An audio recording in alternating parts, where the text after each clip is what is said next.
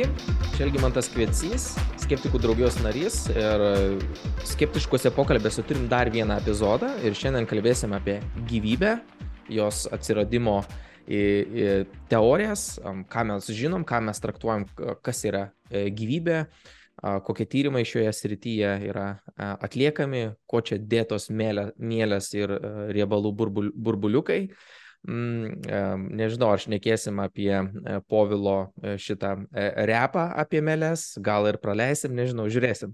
Tai Povilas Šimonis yra šiandien svečiuose skeptiškose pokalbėse ir jis yra fizinių ir technologijos mokslo centro funkcinių medžiagų ir elektronikos skyriaus mokslo darbuotojas Kalifornijos universitete, dabar besistažuojantis chemijos mokslų daktaras. Gal tu irgi pats dar kažką prie tų regalijų pridėsi e, pokalbio metu, kokios tavo patirtis yra. Ir tai pradėkim ir, ir nuo to, ta prasme, tai kodėl tos mėlės? Aš ResearchGate e, persižiūrėjau, žiūriu, įst, įst, įst, įst, tai man šiek tiek biški e, priminė ofisą, tas įst ir kodėl tos mėlės, ta prasme, kodėl ne biržų duonai tu praktiką atlikinėjai, o reikia skristi kitą pasaulio pusę, tas mėlės nagrinėti. Kas ten įdomaus, saky povilai? Iš tikrųjų, uh, mėlių tai tyrimai yra mano pati mokslinės veiklos pradžia. Dabar Amerikoje tai aš su mėlėm nieko nebetlikinėjau. Bet uh, uh, su mėlėm, mėlėm susidomėjau netikėtai užsukęs fizinių technologijos uh, mokslo centrą trečiam dar kurse, kai man papasakojo, kad ten vykdomi tyrimai su elektra, iš karto prieš akis iškilo Frankensteino scena, kur bandoma prikelt kažkokią tai, na, negyvą materiją ir, ir ją, ją pavers gyvą, panaudojant elektrą. Tai, tai mane ir, ir sudomino ir iš tikrųjų nuo pat bakalauro studijų, kol baigiau doktorantūrą, tuos tyrimus ir vykdžiau. Tai mano tie tyrimai, na, nebuvo kaip Frankensteino istorijai, aš dirbau su gyvom mėlėm ir tyriau atvirkščią efektą. Kaip, kaip žudyti mėlės elektrą. jo, kaip galima ją žudyti, bet nebūtinai ne tik, kaip galima laikinai padidinti lastelių pralaidumą įvairiom medžiagom, kaip galima ištraukti vidų lastelinės medžiagas, kaip galima jas stimuliuoti, na, paskatinti pavyzdžiui, aukti ir fermentuoti taip švelniais impulsais. Tai tyrinėjau tokius procesus ir, ir tai buvo įdomu uh, ir iš tokios praktinės pusės, nes mėlės uh, mūsų gyvenime yra na, labai svarbios. Tai pradedant nuo alkoholio pramonės, visa kepinių pramonė, uh, biotehnologijų mėlės naudojamos. Tai buvo uh, tie tyrimai labai susijęs su, na, tokiais, su biotehnologija. Tai iš, iš principo, iš principo tu, uh, mėlė, mėlė yra vienalasis grybas, taip? Taip. Tai tavo visas mokslinis, mokslinė ta, karjeros pradžia buvo susijusi su grinai manipuliavimu šitų, šitų grybų. Tai iš esmės šitas mokslų centras yra, kaip ir minėjo keletas svečių buvusių prieš tai šitam podcast'e, minėjo, kad tas centras yra tokia jungtis tarp verslo ir, ir mokslų srities. Ar gerai suprantu, kad čia yra e, verslo tam tikras interesas, kaip vat, patobulinti arba kaip paveikti tas meles, kad jos būtų kažkokios efektyvesnės ar panašiai. Galbūt pateiko kažkokį pavyzdį iš tų tyrimų eksperimentų su melėm, ko buvo bandyta pasiekti. Nu, ta prasme, kad jos ten greičiau rūktų ar kažką darytų. Koks, koks tikslas buvo vieno ar kito to tyrimo ar eksperimento? Jo, tai e, su to e, skatinimu, stimuliavimu e, mes konkrečiai su verslu nedirbom, bet kitų tyriejų darbuose žinau, kad galima taikyti, pavyzdžiui, stimuliuojant mėlės, sutrumpint fermentacijos laiką. Na, pavyzdžiui, jeigu tau vynas fermentuotus mėnesį, tu gali, tarkim, per porą savaičių sufermentuoti. O kas turi nutikti su tą mėlę, kad ji taip greitai tai atliktų? Na, kadangi elektrinio lauko poveikiu didinamas membranos pralaidumas, tai turbūt jaučia stresą, e, tuo pačiu daugiau medžiagų įsisavina, na ir atlieka na, tą fermentacijos visą procesą greičiau. Tai čia vienas, vienas toks būdas. Mm, dar uh, taikėm elektroporaciją. Tas visas procesas uh, vadinasi elektroporacija. Elektrinio laukų pagalba suformuojamos poros, skilutės uh, mem membranai, mm. lastelės. Tai dar kitas taikymo būdas, kur jau dirbom su pieno pramonės įmonė, tai jie turėjo problemą, kad uh, rūkščiose išrūgose mielės buvo kaip ir nepagėdautinos, nes sukeldavo produkto gedimą. Tuo tarpu tam pačiam produkte buvo ir e, gerosios e, pienrūkštės bakterijos, kurios būtų sveika mūsų organizmui. Tai aš tyriau kaip labai trumpi nanosekundžių, tai čia milijo, milijardinė sekundės dalis e, tokios trumpės, kaip tokie impulsai e, gali selektyviai e, nužudyti mėlės. Tai reiškia, kad toj pačioj, tose pačiose išrūgose e, esant ir mėlių lastelėms ir bakterijoms žūsta tik mėlės. Tai čia nereikia tai tada, šitas tyrimas. Tada nereikia, pas, kitaip sakant, netaikomas, nu, bandau spėti, netaikomas tradicinis pasterizacijos būdas, bet vat, tokiais impulsais galima vienus ir kitus organizmus va taip selektyviai. Mhm. Būtent, būtent. Ir kam tai reikalinga? Dėl to, kad tradicinė pasterizacija yra temperatūrinė, tai reiškia, kad nu, produktas realiai užve, užverdamas ir tai lemia ne tik mikroorganizmų žūtį, bet ir esančių vitaminų na, skilimą, tų pačių baltymų denaturaciją, na ir skoninių savybių pakitimą. Tai čia buvo toks kaip netemperatūrinė pasterizacijos technologija, plus išsaugant dar uh, bakterijas, kurios na, sveikos mūsų organizmui. Tai, tai čia buvo visgi liko tas uh, laboratorijai e, tyrimas, nepersikėlė į, į, na, į pritaikymą tiesiogiai pramoniai. Bet pritaikymas yra galimas, e, e, rezultatai yra teigiami ir pritaikymas yra galimas, tik tais šiuo metu tai nesitransformavo į kažkokį tai jau būdą. Taip. Taip. Taip. Mm. Dar vienas e, tyrimas irgi, su kuriuo dirbau, tai buvo, na, turim šaldytą tešlą. Lentynose galima rasti mėlynę šaldytą tešlą. Na ir jo, viena priežasčių lemiančių jos galiojimo trukmę yra na, gyvų mėlių ląstelių skaičius, nes po kurio laiko mėlės tiesiog na, nebe, nebegyvena nuo šalčio. Ir tai mano tikslas buvo įvesti į tas mėlių ląsteles e, nuo šalčio apsaugančias medžiagas, krioprotektantus vadinamus, mhm. na ir taip pratesti na, gyvenimo trukmę mėlių ir tuo pačiu produkto galiojimo laiką.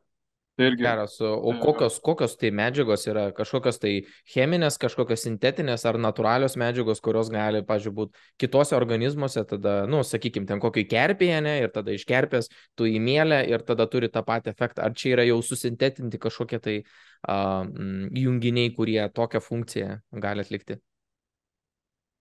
Tai pagrindinis komponentas, kurį naudojau, tai būdavo trehalozė, tai yra disacharidas cukrus kuris randamas tose pačiose mėlėse.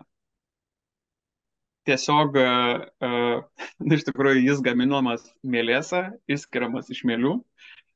Tiesiog uh, dėl elektrinio lauko poveikio aš galėjau na, padidinti uh, mėlių lastelėse trehalozės kiekį, kuris paprastom mėlėm nepritaikytom uh, trehalozės gamybai nu, yra neįprastas ir dėl to padidėjusio to protektanto kiekio lastelės buvo atsparesnės. Tai, tai poveikis, poveikis e, sukelia didesnį e, to junginio gaminimąsi viduje lastelės? Ar tu, kaip sakai, e, įvedamas yra, tai kaip čia tas įvedimas vyksta? Įvedimas vyksta taip, kad turim lastelės, paveikiam elektrinio lauko poveikiu, susiformuoja skilutės, galima realiai įsivaizduoti kaip skilutės membranai, Gal, Turbūt mikroskopė tai turėtų netgi fiziškai matytis, ne, kadangi tai vienalastis gana yra nu, didelis dalykas, kurį uh, galima mikroskopu uh, lengvai į, įžiūrėti. Tai Ar vizualiai tai matosi, kai tu pakeiti ir atsiranda tos poros, jeigu taip galima sakyti? Vizualiai tai Pačios tai matosi. poros tai nesimato, nes jos yra labai mažos mm. ir labai na, trumpai gyvuojančios. Tai tokios, tokios raiškos dar na, neišina matyti. Mm. Uh, vat, bet tai tas suformavę tas skilutes, išeina suformavus skylės, į, į, išeina įvesti medžiagas ir dėl to, kad didesnė koncentracija triholozės yra lastelės viduje, ta triholozė stabilizuoja ir, ir membranas, ir įvairius baltymus ir jau tada tokios lastelės su didesniu triholozės kiekiu gali būti na, nugabenamos į šaldytuvą ir šaldymo metu šaldymo ir atšilimo metu susidarančios pažaidos dėl besiformuojančių ledo kristalų nebe taip stipriai mm, pažydžia lastelę ir didesnė jų dalis išlieka gyvybingos. Ar yra uh, potencialių alternatyvų mėlėms? O kepiniams ar, ar, ar kam? Bendrai, ta prasme, mėlės atlieka tam tikrą funkciją. Ar yra alternatyvų, kad ta funkcija, nu, kad mėlės galėtų būti pakeistas? Mm, aš manau, kad yra, tačiau šiuo metu visa biotehnologija tiek gerai yra, toks geras įdirbis dirbti su mėlėm, kad na, tiesiog nėra na, prasmės labai ieškoti alternatyvų, nes labai aiškus ir, ir genetiniai keliai ir, ir, ir viskas. E, spėsiu, kad e, tai yra o, gana paprasti organizmai, mes apie juos jau labai daug žinom, mes jie galim e, tiesiog ir, nu, netgi be kažkokių tai a, specifinių ten cheminių ar biologinių žinių galim tiesiog namie jomis stipriai manipuliuoti, dar pridėjus visas mokslo žinias, galima tada ir pramoniai manipuliuoti ir tai gaunasi toks kaip nesibaigiantis, nesibaigiantis šaltinis tam tikrai nu, funkcijai atlikti, ta prasme, tai ten tu turi mini, nėra prasmės ieškoti sintetinio kažkokio tai pakaitalo, kai mes taip jau mokam gerai su jomis dirbti. Jo, tikrai taip, nes galima dabar, aš pats to nedarau, bet uh, tikrai žmonės perkelia atskirus uh, net genetinius kelius, uh, sintetinant uh, na, labai konkrečiom medžiagom. Ir kadangi mėlės labai, kaip čia, valgo platų racioną įvairių cukrų, tai nu, gali būti nu, nesudėtinga ganėtinai jas kultivuoti yra, mm. dideliais kiekiais ir po to norimas tas medžiagas išsigrynti. Supratau, tai čia kaip su kokiais nors ten veisliniai šunim, kur jau yra antiek selektyviai viskas atrinkta ir taip žinoma, kaip viskas veikia, kad, kad geriau, geriau niek, nie, nieko kol kas dabar ir, ir nėra. O kad vat, mes kol neperėmė pačią e, gyvybės dar temą, tai kad e, tuo pačiu gal ir sukurtumėm samokslo, samokslo teorijom tam tikrą pagrindą, bet jo ir tuo pačiu užkirstumėm, tai e, tu užsiminėjai apie tą um, manipuliavimą magnetiniais laukais. Čia pagrindinis dalykas, ne, ne kažkokiais lazeriais, mm. ten dar kažko, bet magnetiniais laukais. Magnetinius laukus mes. Uh, Elektroporacija. Uh, tai yra kaip. Uh, tai yra elektriniai laukai, ne, ne magnetiniai. Elektrinis laukas. Kuo šiuo atveju padėk uh, greitai skirti, suprasti uh, elektromagnetinis laukas ir elektrinis laukas šiuo atveju, kok, koks yra skirtumas ir kur, galbūt pateik pavyzdį, kur mes galim surasti vieną ir kitą. Tai elektromagnetiniai laukai tai pats paprasčiausias na, ir esminis tai yra šviesa. Na, tai yra tam tikra spinduliuotė. Mhm. Uh, ir, o elektriniai laukai, bent jau mano atveju, tai yra mm, tarp dviejų uh, elektrodų turinčių skirtingus polius susidaręs laukas.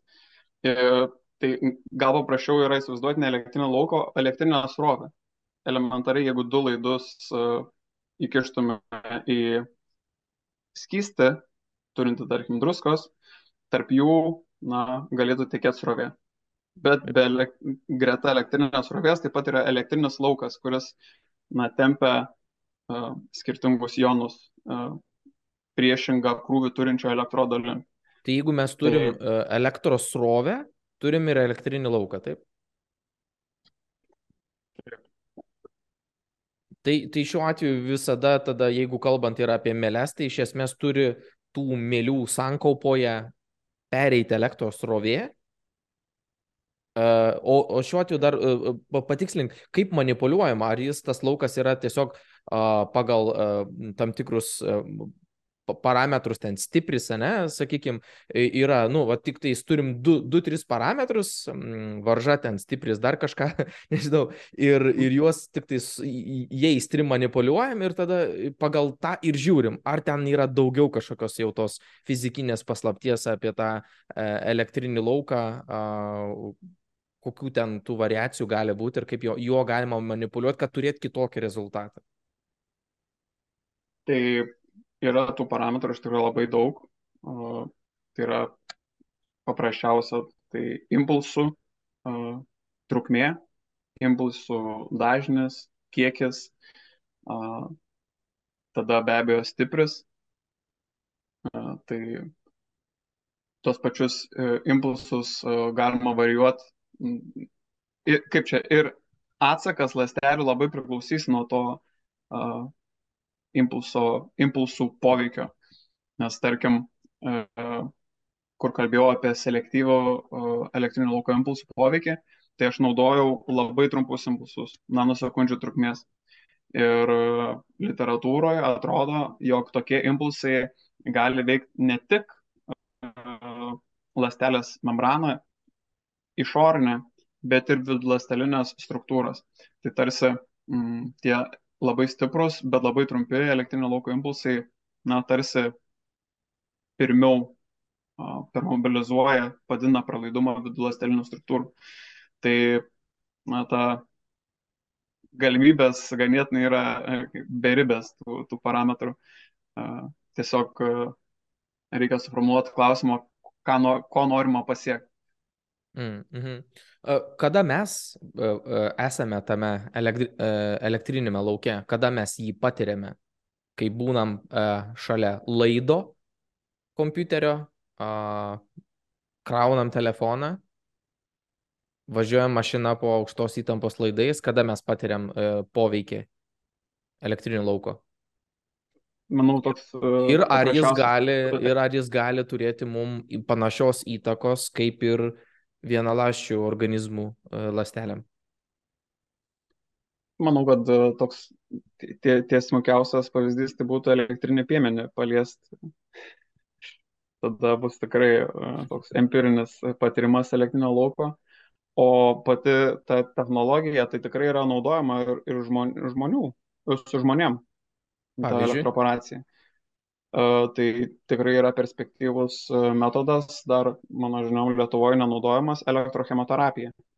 Tai visa idėja yra tokia, kad neturim auglį ir jis yra arba na, įsmeigiami elektrodai aplink jį, arba jis yra nu, apimamas e, elektrodais, tada auglys na, paveikiamas elektriniais laukais ir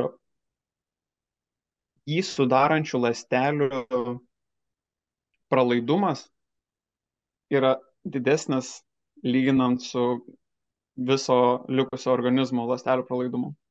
Ir ką tai reiškia? Tai reiškia, kad e, sušvirštus e, vaistus didžioji dalis to vaisto susikoncentruos vėžinėse ląstelėse ir šalutinis poveikis e, chemoterapijos bus sąlyginai mažesnis dėl to, kad e, sveikoms lastelėms teko sąlyginai mažiau na, to kenksmingo junginio. Tai ir, ir šita technologija tikrai uh, užsienį aktyviai vystoma ir labai, mm, sakyčiau, perspektyvi. Nes tai čia vienas momentas, kad daugiau vaisto patenka į auglį. Kitas momentas yra, kad mm, dalis ląstelių ir termiškai yra tiesiog sunaikinamos dėl uh, poveikio metu. Ir taip pat uh, mm, skatinamas imuninis atsakas. Kaip, kaip jis skatinamas yra? Ta prasme, kad tas tie elektrinis laukas ža, žadina kit, į, į, į, į... Kas vyksta ten?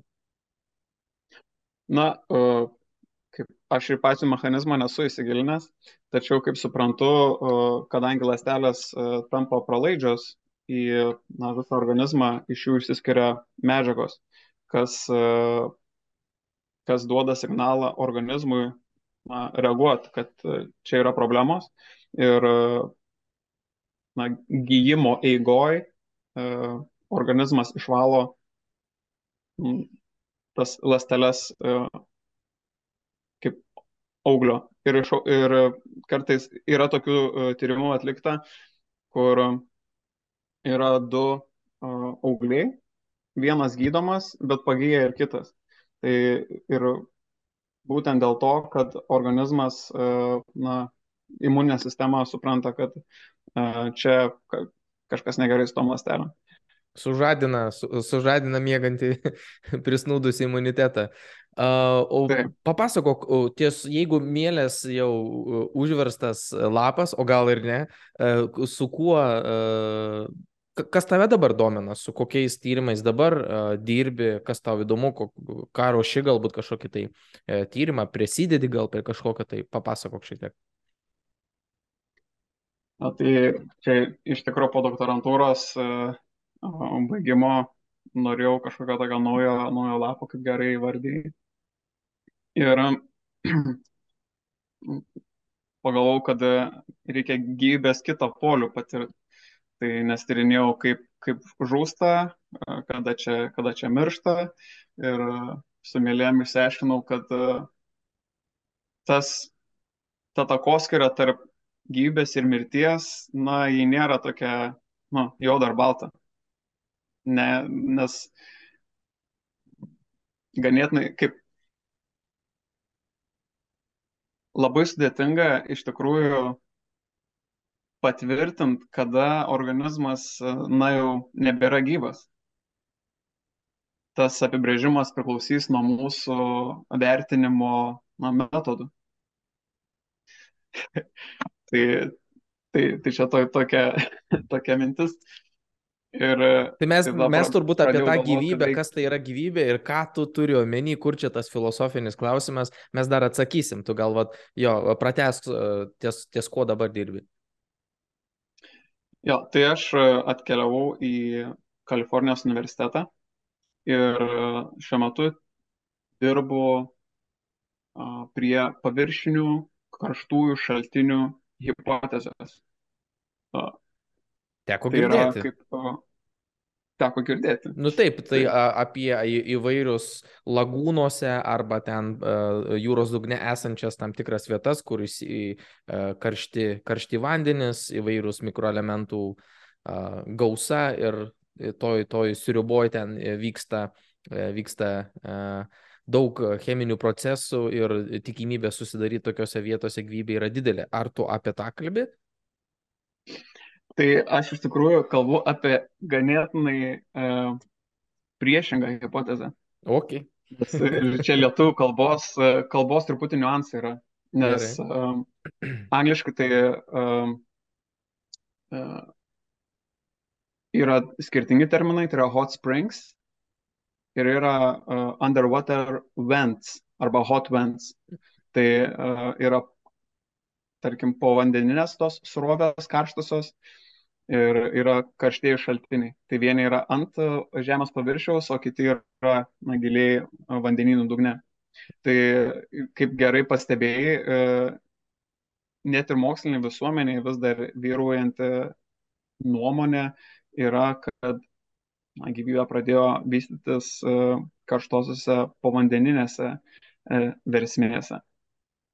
Ir tos karštosios versmės buvo atrastos kažkur prieš 50 metų.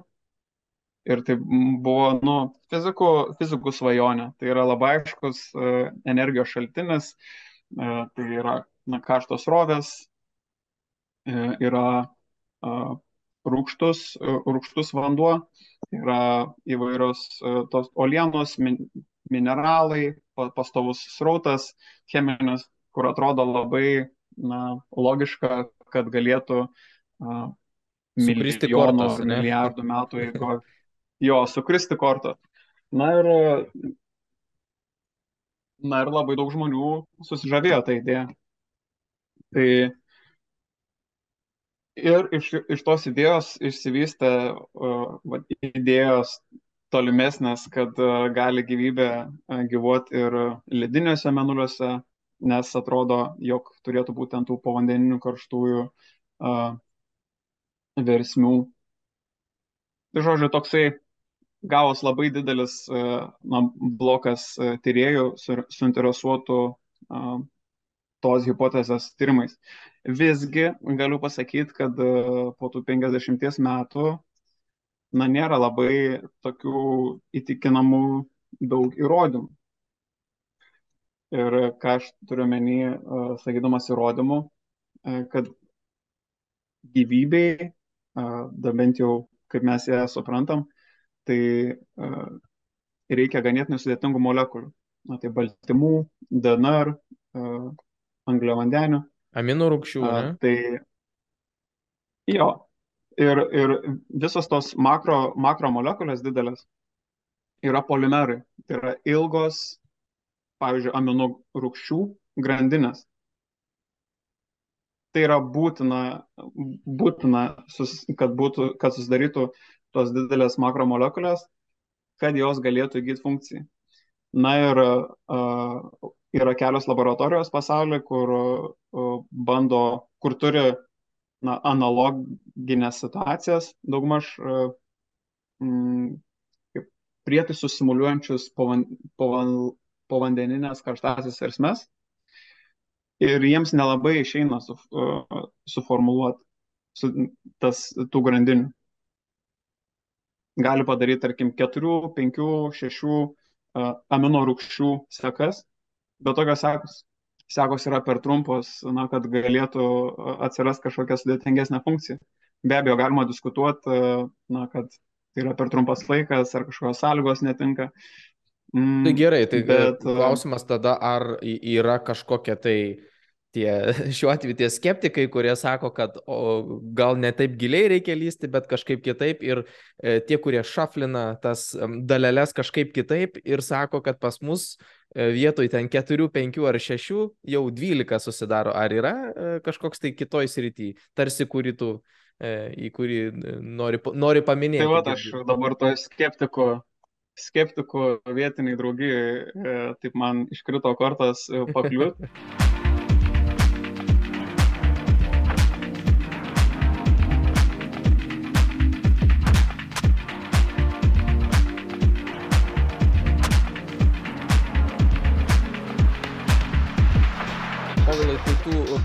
kad yra bandymų replikuoti tam tikras sąlygas, kurios vandenino dugnų tose versmėse, tose paipuose ten e, atsiranda, ir, bet kaip minėjai, kad sėkmės tokios kaip ir nenusimato ta teorija, kaip ir nepasitvirtina ir tos grandinės sudėtingos aminų rūkščių nesusikūrė, bet veikiausiai yra kažkokia kita skeptikų bendruomenė, kuri sako, mes čia galim geriau pašaflinti šaflinti, pas mus vietoj 5-6 ir žiūrėk ir 12 aminų rūkščių grandinė. Ar tu toj hebroj tai ir esi dabar toj, toj grupiai? Patikslink, papasakok apie tai. Taip, tai man, man pasisekė patekti į tokią skeptikų vietinių draugiją, kurie plaukia prieš srovę. Ir iš tikrųjų, plaukė prieš srovę, čia visai neseniai prieš savaitę. Kad ir kaip jokinga atrodytų tų šiltų versmių fone tas pasakymas plaukė prieš srovę. Taip, šiltųjų karštųjų paviršinių versmių kontekstas plaukė prieš srovę. Tai pavyzdžiui, nei vieno uh, buvau konferencijoje studentų ir nei vieno pranešimo susijusio su mano vykdomais tyrimais uh, neišgirdau. Tai sakyčiau, kad tai yra kaip ir na, indikatorius, kad uh, tai nėra tikrai dominuojanti uh, hipotezė ir na, plaukia prieš srovę. Bet truputį plačiau, tai idėja nėra visiškai nauja. E, dar e, visų gerai pažįstamas Čarlzas Darvinas laiške kolegai 1871 metais buvo užsiminęs, kad na, paviršių, paviršių esančiam esančioje karštoje baloje, jeigu būtų įvairios medžiagos, baltymai panašiai, galbūt galėtų tokioje baloje įsivystyti gyvybę. Bet šita idėja kaip ir buvo ilgą laiką pražiūrėta, galbūt žmonės galvojo, kad na, spinduliuotė yra per pavojinga gyvybė vystytis ir panašiai. E, ir tiesiog stacionari bala ar telkinys skaiščio su net ir reikalingom gyvybę medžiagom, tai nėra pakankamai, kad kažkas pradėtų vystytis. E, tai per maža dinamika, ta prasme, nėra dinamikos kažkokios tai. Taip, nėra atrankos, nėra, uh, nėra būdų, kaip to molekuliam, kodėl jos turėtų jungtis į, į, į sudėtingesnės struktūras. Tai profesorius, kuriuo dirbu, David Deemer, sugalvojo, kad būdamas greta karštų versmių realių, Kamčiatkoje, toje pačioje Kalifornijoje, pastebėjo, kad tos karštie prūdeliai, jie patiria periodinius išdžiūvimus. O ką reiškia išdžiūvimas? Tai reiškia, kad visos ištirpusios medžiagos susikoncentruoja. Tai tarsi suartėja. Kristalizuojasi ir, kai kuriuose, ne? Pavyzdžiui. Jo, kristalizuojasi, priklauso, priklauso nuo medžių. Ir, ir tada tokie telkiniai, vėlgi dėl kritulių arba dėl iš kažkokių e, purslų gretasančių geizerių vėl užsipildo. Tai, tai yra tokie natūralūs gamtoje esantis ciklai džiūvimo ir drėkimo. Na ir jam kilo idėja, kad na, šitas ciklas galėtų būti kaip toks pirminis variklis e, molekuliam sudėtingėti. Nes pas mus e, organizme ir dabar visos molekulės sudėtingos e, baltymai, DNR, angliavandeniai susiformuoja kondensacijos reakcijų metu. Kondensacijos reakcijas, čia kaip kondensuotam pienę, reikia pakaitinti ir išgarinti vandenį. Patikslink, dar nepabėg nuo, ne, nepabėg nuo šito, patikslink šitą procesą, šitą, šitą dalyką. Na, pavyzdžiui, kad susiformuotų polimerai, tai jeigu, tarkim, turim dvi amino rūkštas, tai kad jos susijungtų tarpusavį į grandinę, iš jų jas skiria vanduo. Jeigu jis atskiltų, jos susi, galėtų susijungti. Čia taip kaip ir grubiai pasakiau, bet, bet esmė yra ta, kad atskylant molekuliui, vandeniui nuo dviejų amino rūgščių arba nuo nukleotidų, jos gali susijungti tarpusavį ir formuoti taip grandinės. E. Leisk užduoti klausimą. E, tu turi mini, kad vanduo prie molekulės yra chemiškai prisijungęs. Ne fiziškai tiesiog yra, nu, yra molekulė, yra molekulė, yra molekulė, ne fiziškai stovi 1, 2, 3, bet chemiškai yra mm. prisijungę ir jeigu chemiškai jos atitrūks, atitrūktų, gaunasi, kad, nu, kaip sakyti, aktyvios, negaunasi tos amino, kurios turi galimybę tada jungtis. Nu, čia kaip kokie teigiami, neigiami jonai kokie, ne? Panašiai toks. Taip potencialas atsiranda tam tikras. Taip. Ir, ir tai vadinama kondensacijos e, reakcija. Ir, na ir kaip paprasčiausia e, pašalinti vandenį. Na, garavimo būdu. Ir tai tuose vandens telkiniuose yra keli momentai, kurie leidžia molekuliam uh, jungtis į grandinės. Tai vienas dalykas, kad jos uh, besikoncentruodamos uh, ar suartėja viena kitos ir didėja tikimybė, kad uh, na, teisinga orientacija atsistos greta ir tada, kai jau sudžiūna ir, ir kaista, jeigu yra pakankama temperatūra, padidėja tikimybė, kad atskils tas vanduo. Ir tai aš konkrečiai dirbu ne su amino rūgštim, dirbu su nukleotidais.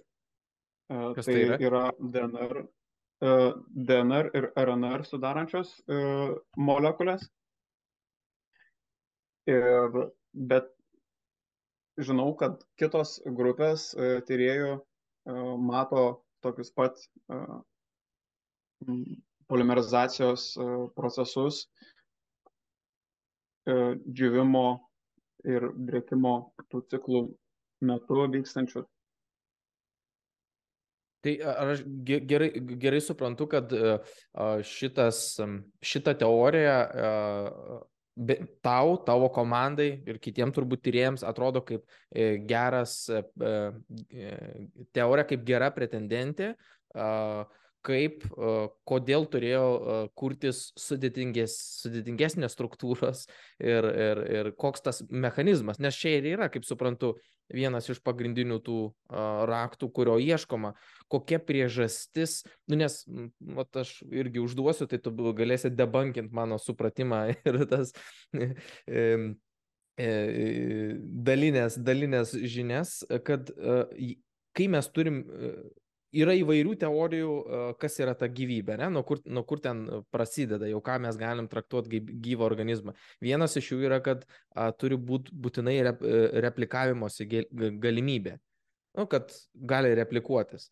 Tai uh, ir čia jau yra toks kaip uh, nu, tolimas žingsnis replikavimuose, ne? O jeigu e, tavo tyrimų sritis yra apie tą uh, sudėtingesnių ten nukleotidų ar amino rūkščių ten jungimasi ir visą tą te teoriją ir tą pretendentį, tai čia yra jau toks, nu, pirmesnis žingsnis nuo to, ko, kol mes galim nueiti iki replikavimuose.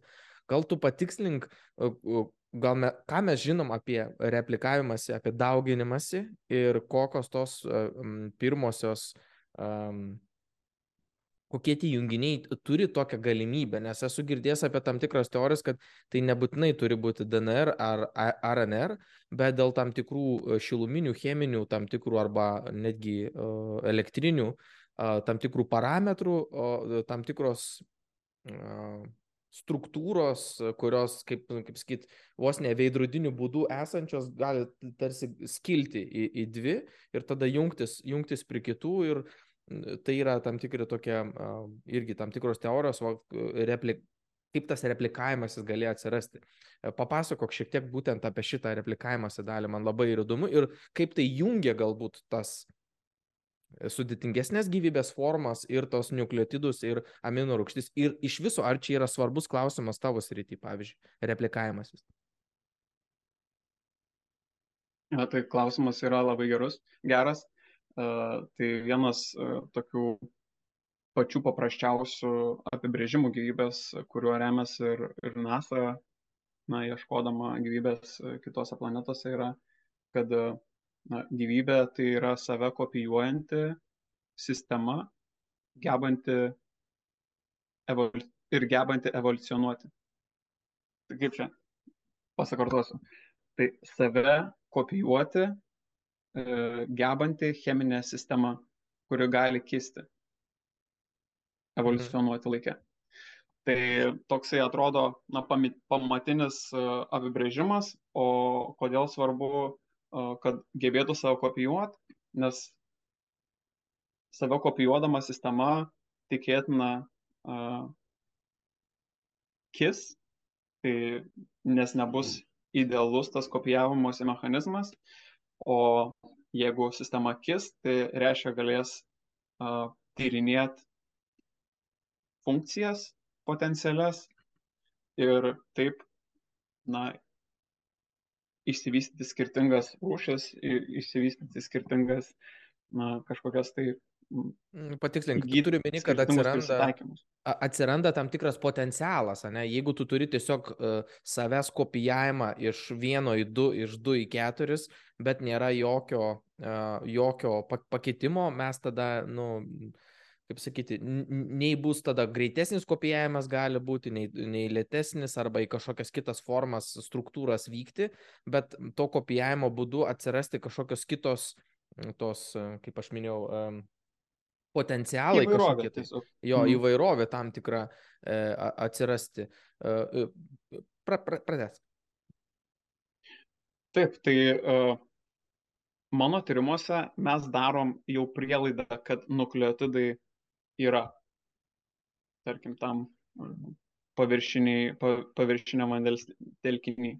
Mhm. Tai, tai ta prielaida yra mm, paremta duomenim, kad uh, uh, nukleotidus sudarančios, sudarantis komponentai yra randami meteorituose.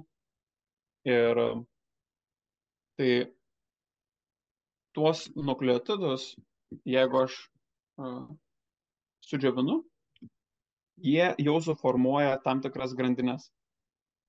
Uh, ir mano tyrimų rezultatai rodo, kad uh, susiformuoja grandinės tarp 30 ir 100 uh, raidžių, net po vos po kelių ciklų. Ką tai Tai reiškia? yra ganėtinai daug. Ir, uh, tai nukleotidą galim įsivaizduoti kaip raidę. Tai, tai po vieno, tarkim, po, ar po kelių ciklų galim suformuoti uh, vat, žodį iš 30 ar 100 raidžių. Ir yra. Uh,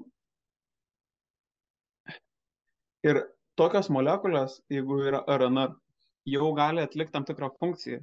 Jos, uh, jos žinoma, jos vadinamos kaip ribozimais. Tai Ribosomes. Pa- pačioj- na, n- ne ribosomos, o ribozymes.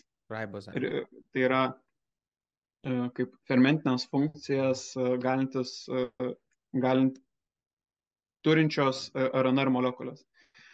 Tai ir kodėl visa šitai yra įdomu ir kodėl uh, tai yra ganėtinai įspūdinga, kad tos molekulės gali taip paprastai suformuoluoti tokiam paprastom sąlygom. Tai yra tiesiog mm, nudži- nudžiovimo metu. Tai mm, nes tos, e, tos molekulės, RNR ar DNR, mūsų organizme gali uh, formuoti paraleliai grandinę. Ir tai kaip ir mm, yra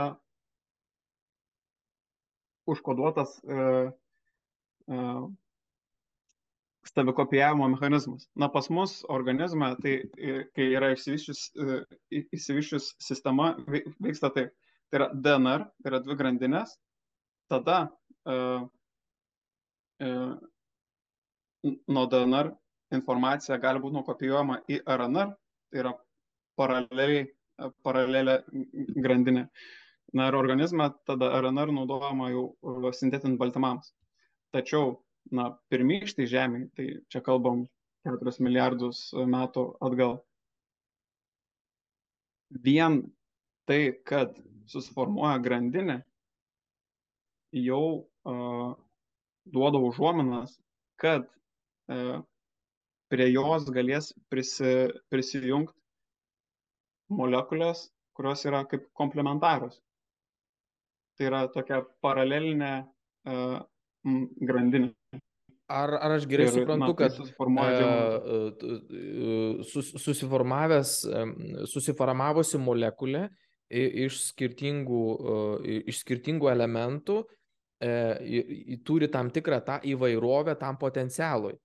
Ir prie jos gali tada e, jungtis įvairios kitos ir tada tų kombinacijų įvairovė labai e, didėja eks, eksponentiškai, e, ko pasiekoj e, daug kas gali įvykti. Ar, ar, ar aš gerai suprantu, kad tiesiog um, tas kompleksiškumas uh, didėja labai dideliu pagreičiu iš karto? Jo, tai čia yra, yra tikrai vienas, vienas momentas e, toksai. Mm, aš manau, kad kaip mm, neteisingai, manau, paaiškinau, e, kad tiesiog e, mūsų, mūsų genome visa DNN informacija yra užkoduota na, keturiais nukleotidais. Tai jeigu paimkim raides, tai ATGC. Tai A visą laiką, jeigu yra A, visą laiką jungia su T, jeigu yra G, visą laiką jungia su C. Mhm. Tai tarkim, jeigu turim mažą žodį A, A, A, G, taip, tai uh, kita komplementari grandinė bus T, T, T, C. Taip. Tai uh, jeigu mes uh, gamtoje tiesiog nu, nudžiav, nu, sudžiovinam uh, tirpalą ir suformuojam mažą grandinėlę AAA T. Tai kadangi uh, molekulės tarpusavį mėgsta sudaryti na, tam tikrus ryšius, tai tikėtina, kad susiformuos ir ta paralelė, komplementari grandinė.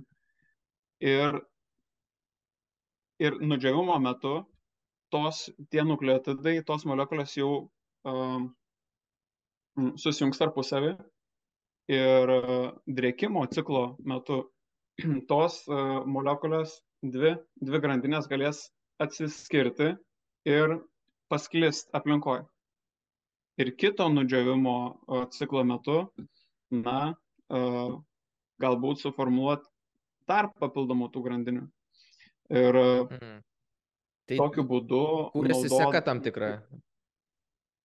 Jo, kūrėsi ir seka, bet uh, tai galėtų būti uh, kaip ir pirmas savikopijavimo mechanizmas. Tai nėra autonominė sistema.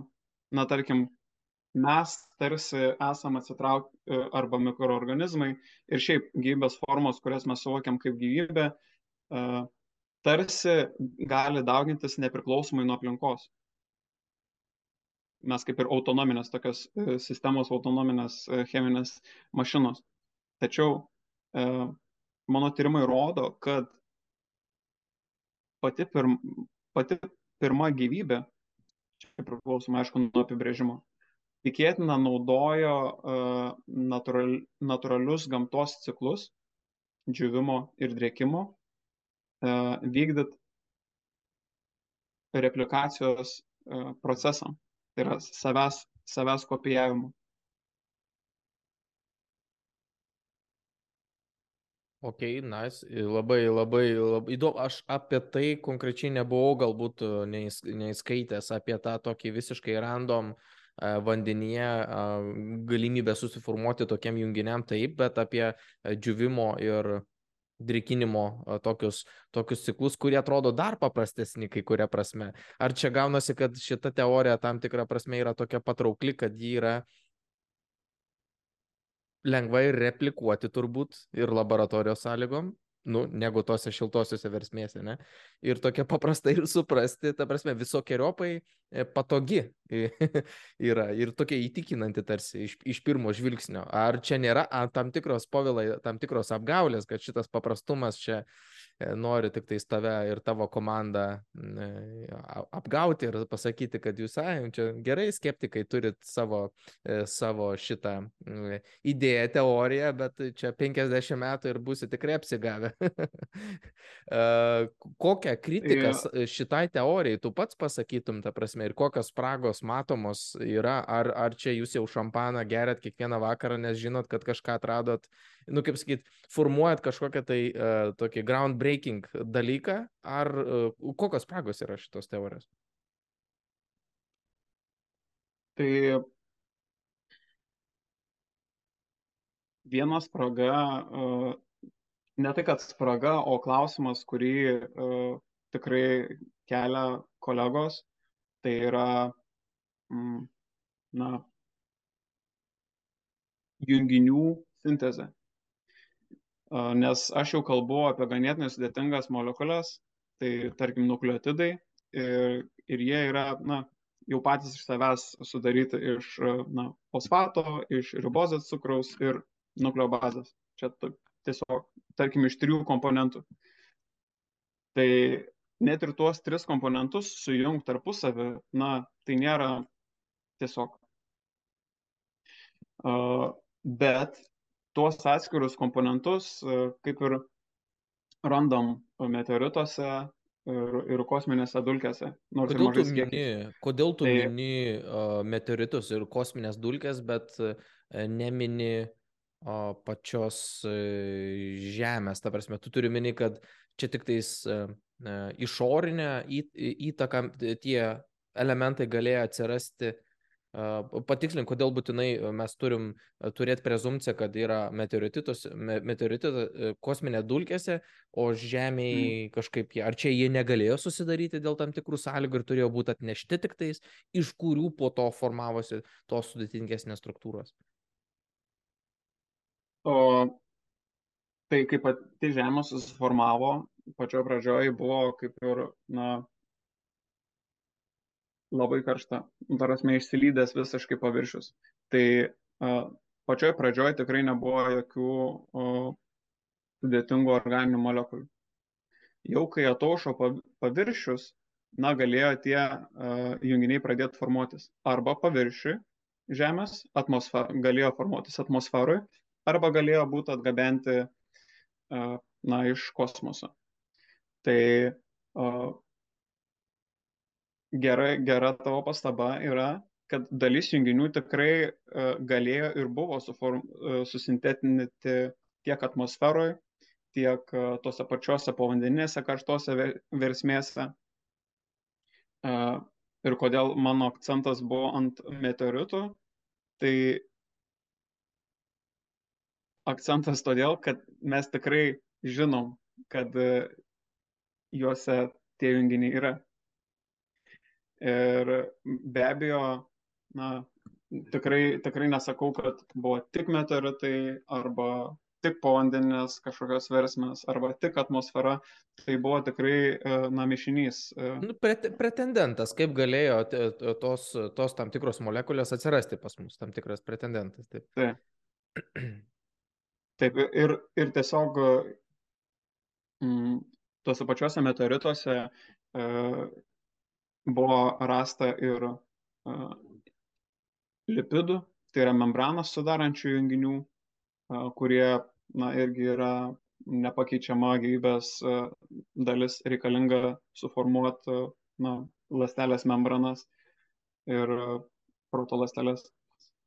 Dar vienas momentas, su, su kuriuo irgi dirbu ir, ir kodėl mūsų hipotezė ta paviršinių karštų šaltinių, mm, manau, yra svarbi dėl to, kad uh,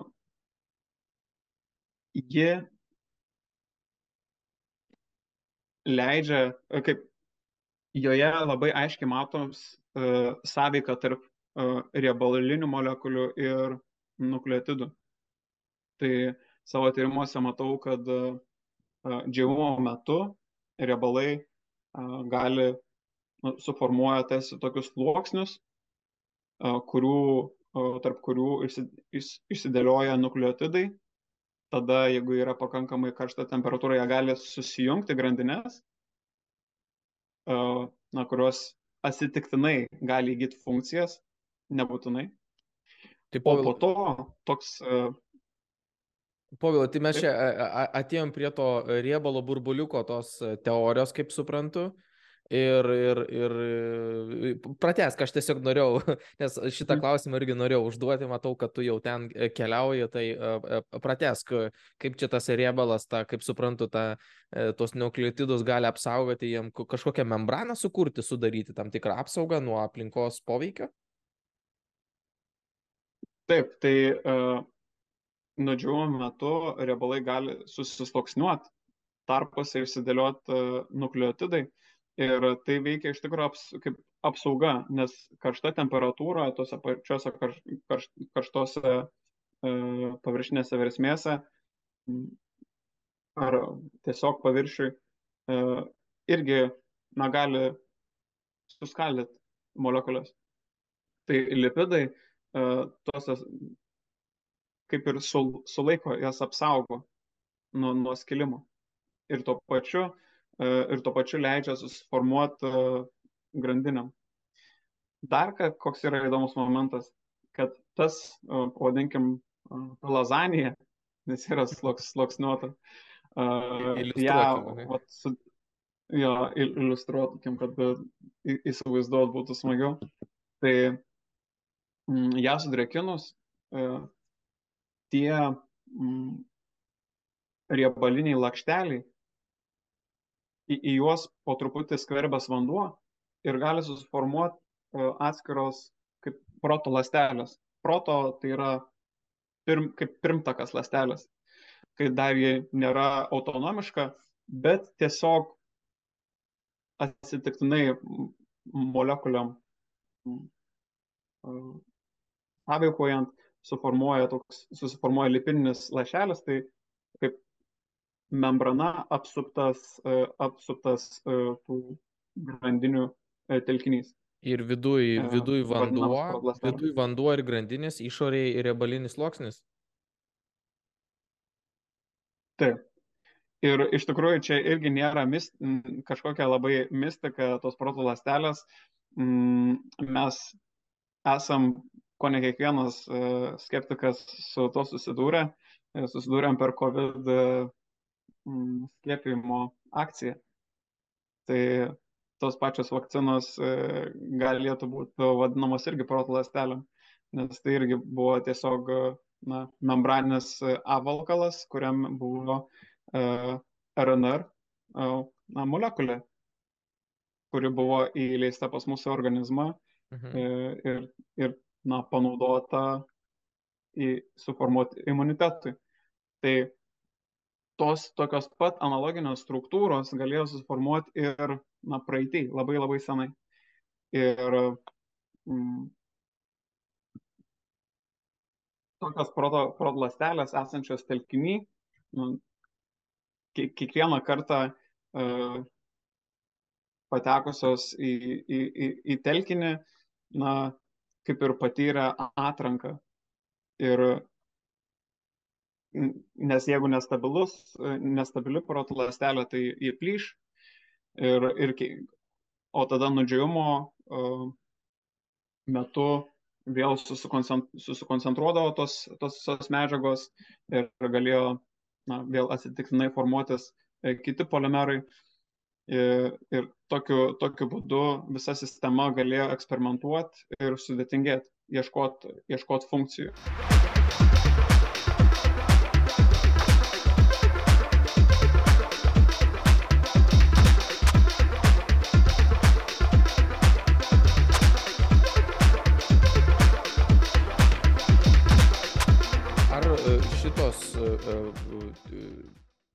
Šito, ši, šita teorija, kaip, kaip, jį, kaip, kaip jūs ją analizuojat tyrimų metu, kokius tyrimus atliekat, kaip, vat, sakai, vat, nu, nu, nu, nu, nudžiūvimo, drekinimo laikotarpiai, formuojasi burbuliukas, sluoksniai darosi, ar literaliai jūsų tyrimuose jūs tą ir darot ir bandote replikuoti visą tai, ką tu kalbi, ar turi tik tais kažkokią labai siaurą sritį, su kuria gali daryti eksperimentus? Ar čia yra eksperimentų, eksperimentų lygmenyje ar teoriniam lygmenyje, tai ką tu pasakai, nu konkrečiai, vat, išsisloksniavimas, tam tikras tų burbuliukų susidarimas, džiuvimo, e, drėkinimo periodas, susikoncentravimo ir taip toliau, ar vis, visa tai replikuojama laboratorijoje yra, ar, ar, ar dalis tik tais to? O čia ir yra žavesys šitos teorijos, kad tai nėra tiesiog ant popieriaus ir, ir galvoj.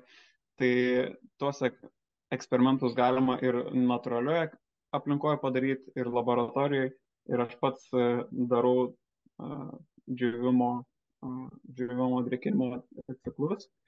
Uh, tų protolastelių formavimus šiuo metu neturiu, bet naudoju uh, lipidus, nes matau, kad jie na, padeda ir polimerizacijos reakcijom. Uh, Mano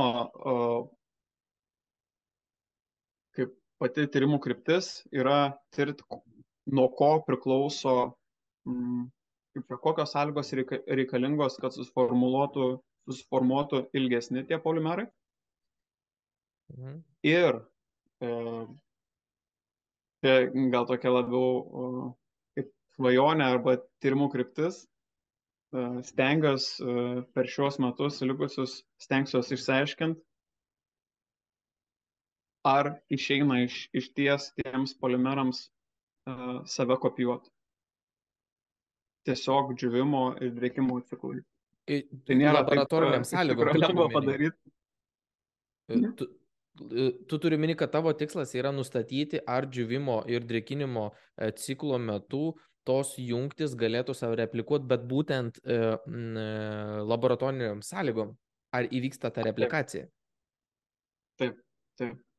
Tai čia jau į, į knygą norisi rašyti, povilą, man atrodo, kažkokia tai.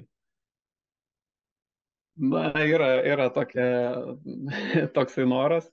Iš tikrųjų, vieną knygos skyrių jau kaip parašėm, bet e, jis būtų žymiai stipresnis, jeigu pavyktų įrodyti, kad na, išeina e, ta, tuos kopijavimo procesus atlikti taip Jungimosi, jungimosi procesas yra aiškiai matomas, ne? bet replikavimosi dar mes nematom.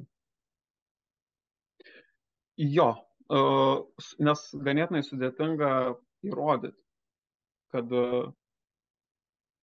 nu, kad, kad nukopijavo.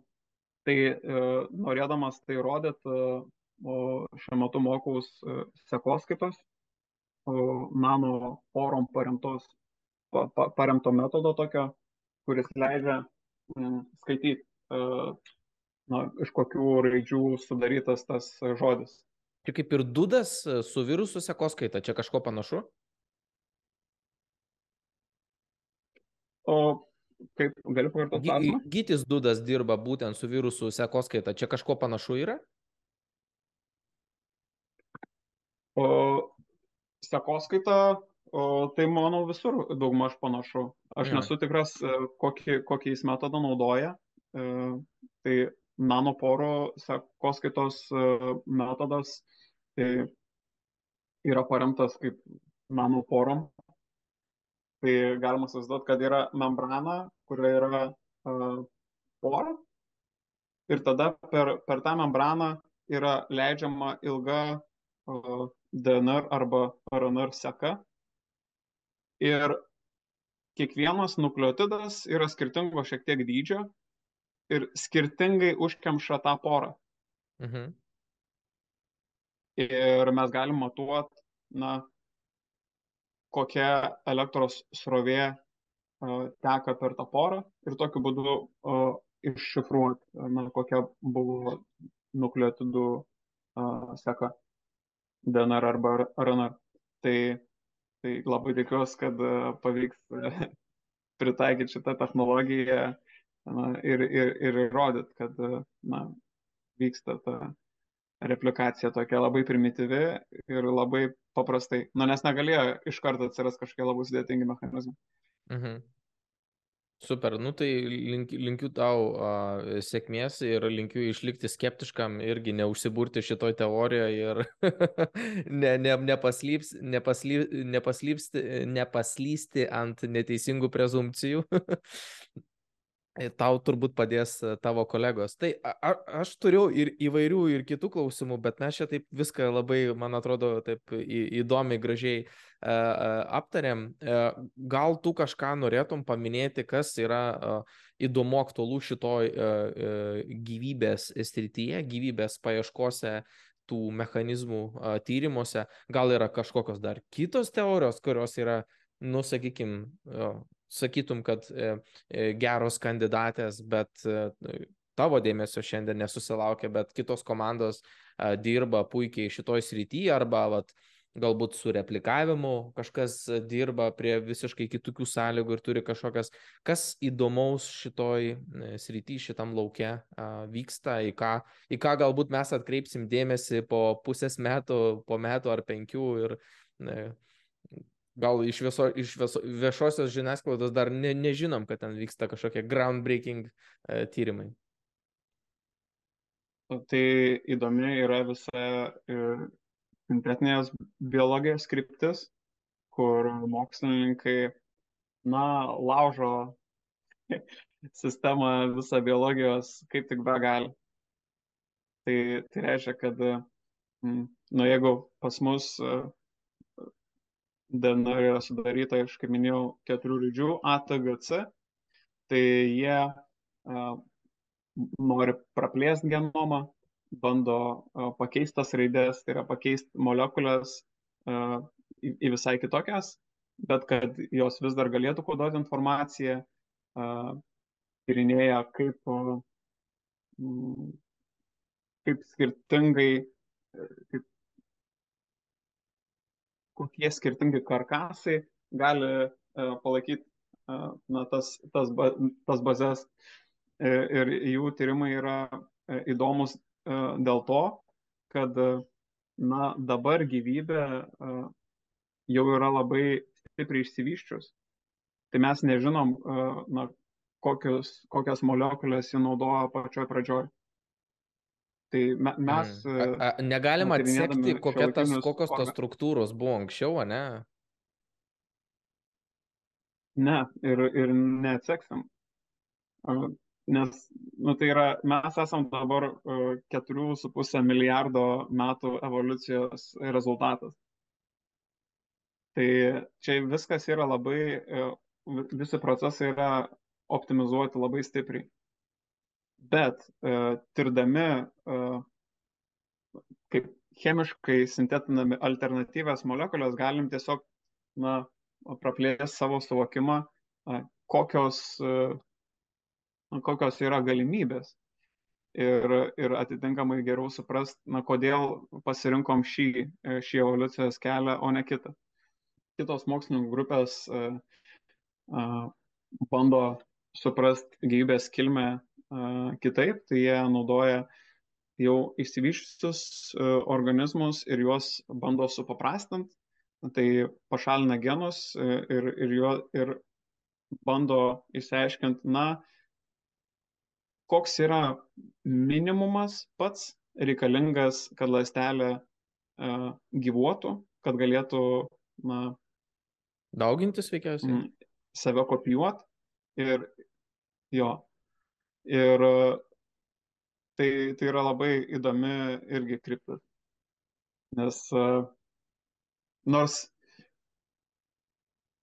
kaip čia, man atrodo, 91 genas dabar yra mažiausias skaičius, bet tie genai iš kažkur turėjo atsirasti.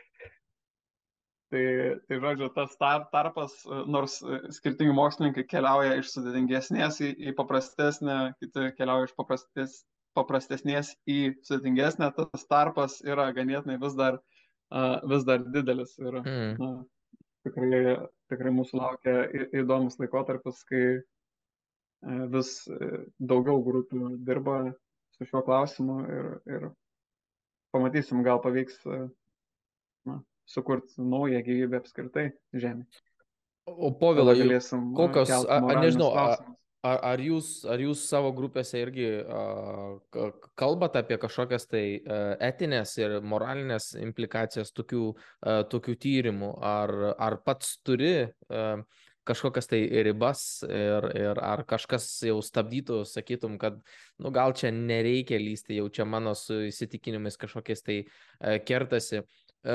Nu, kitaip sakant, ko, kaip tu matai, koks end goalas yra? Nu, sakykime, už šimto metų, už šimto metų mes išnarplėjom nuo tos ba balos iki, to, į, į, iki DNR, ne, visą šitą vadalę, ne?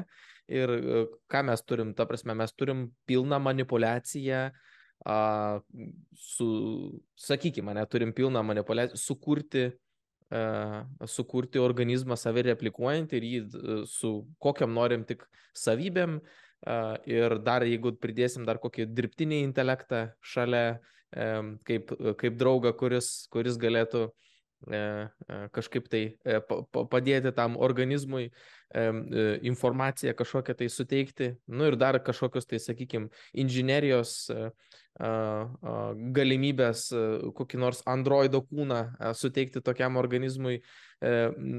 Koks, koks end goalas yra, kaip, kaip tu manai, už 300 metų, ta prasme, mes mm, būsim jau perkelti į, į, į dėžę mūsų smegenis, į kažkokį nemiršt, nemirštantį organizmą, met, kažkokią metalo e, lydinių arba kažkokių visiškai kitokių lastelių. E, bijai to? E, iš tikrųjų nori sulaukti, norėtum sulaukti, ar labiau bijotum sulaukti šitokios, šitokios ateities?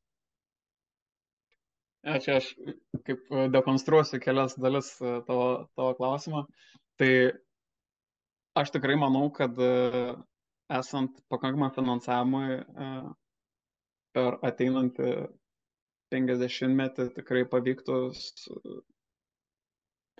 sukonstruoti prietaisą, kuriam galėtume iš e, na, tarsi negyvų molekulių formuoti save kopijuojančias sistemas. Mes dabar esame inicijavę tokį projektą su SET institutu, Search for Extraterrestrial Intelligence ir mūsų ten misija e, yra tokia, kad e, na, prieš inteligentiškai gyvybei susformuojant jį turėjo apskritai atsirasti.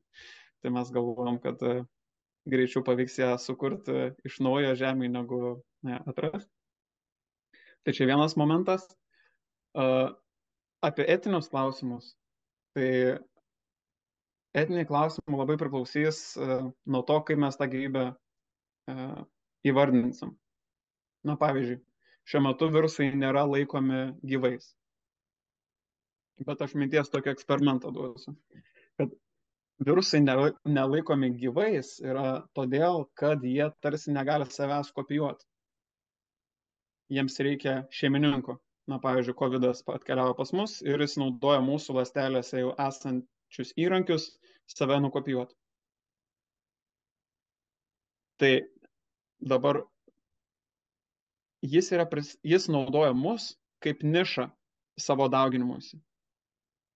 Tai mes, kaip žmonės, naudojam Žemėje esančius įrankius. Mes irgi negalėtume gyventi be Žemės. Tarasme, jeigu dabar bet kur iš mūsų numestum į Menulį arba į Marsą, nu, mūsų labai greit pasibaigtų uh, išmintis. Taip. Tai kodėl virusas prisitaikęs prie tam tikros nišos yra laikomas negyvų, bet mes esame laikomi gyvais. Čia toks filosofinis klausimas. Sekančiam pokalbiui. ir, ja, ir, ir dabar, uh, tai kodėl aš sakau, kad galima sukurti gyvą sistemą, tai naudodami tuos džiūvimo ir drėkinimo ciklus, jeigu aš uh, įrodau, kad galiu nukopijuoti molekulę, net nebūtinai idealiai, kad ir 80 procentų, jeigu galiu nukopijuoti, kas leistų, kas reikštų, kad vyksta tam tikras kintamumas net. Tai aš jau galiu laikyti kaip chemikas tą sistemą gyvą. Tai 99, o gal ir didesniai daliai žmonių tai nebus gyva sistema, bet man bus. Tai žodžiu, kur mes nubrėšim sistemą, kaip čia, kur nubrėšim ribą, kurią peržengus jau tokia bus su, pakankamai sudėtinga gyvybė, kad reiktų spręsti etinius klausimus. Nu taip, ką mes. Vat, kur nubrėžim tą liniją, tai tada dar bus. Kokio sudėtingumo organizmui mes duosim kokias teisės, kur mes nubrėžim, kas yra gyva, o kas negyva. Ir e, kas e, sąmonės dar tam tikrai klausimai, ar mes čia e, vienokiai, kitokiai sąmonės lygiui suteikiam vienokią kitokią vertę, kentėjimo galimybę kentėti, patirti kažkokios tai mm, jausmus ir, ir panašiai tokie klausimai. Ir, bet ar tai tavo srityje tai yra tik tais, nu, va, toks prie kavos podelio pasisėdėjimas ir pasijokimas, tuos mes, nu, tai čia, va, gal čia ir tai būtų. Ar e, mokslo įstaigose šitie etiniai klausimai yra kaip po kodekso e, e, tam tikro darbo kodekso dalis ir jūs turėtumėt, nežinau, pra, čia kaip su ateivių stebėjimu, ta prasme, ne, nusileido, nusileido lėkštė, ne, ar turėtum pranešti, ar neturėtum pranešti pagal kodeksą, ne, kažkokį tai. Tai šiuo atveju, uh, povilai, toj balutėje pastebėjęs uh, save kopijuojantį uh, mikroorganizmą, turėtum informuoti, ši, turėtum pranešti. Tai kaip mokslinį visuomenį tai tikrai būtų pranešta ir bus pranešta, bet tikrai etinių klausimų tikrai nėra šią temą. Manau, kad pagrindinis NASOS klausimas, kaip čia pagrindinė riba, tai yra mikroorganizmų, jau tokių nepriklausomų vienalaiščių gabenimas į, tarkim, į Marsą ar Menulį ir parsigabenimas e, e, kažkokių tai potencialių gyvybės formų atgal į Žemę. Čia yra ta riba, kur, kur yra tikrai skiriamas e, didelis dėmesys, nes stengiamas visus na, tuos marsaigius, tarkim, ar menulėgius, įvairius zondus, stengiamas padaryti sterilius, kad mes nieko neišneštume ir atitinkamai, jeigu yra parsigabenama kažkokia įranga, tai kad nieko neparsivežtume. Tai čia tikrai yra didžiulis dėmesys tam, tam skiriamas, bet aš manau, kad niekas šiuo metu netiki, kad galima labai sudėtingą gybę sukonstruoti laboratorijoje, dėl kurios, na, Dėl, dėl kurios vertėtų dabar teisės aktą paruošti, ne? Supratau. Taip, taip. Tai, povilai, ačiū tau už pokalbį, ačiū už ap apsilankymą iš kitos pasaulio e, pusės. E, buvo e, malonu kalbėti, čia buvo Vilas Šimonis. Aš Algymantas Kvecys, Skeptikų draugė, sekit šitos pokalbius šitam YouTube kanale, užsukit į Facebooką, į Skeptikų draugijos tinklapį, klausykit audio formato Spotify platformoje, parašykit komentarą, jeigu epizodas patiko, parašykit klausimų, jeigu turit, arba pasiūlykit savo temą. Ir iki kol kas, iki kitų epizodų. Iki.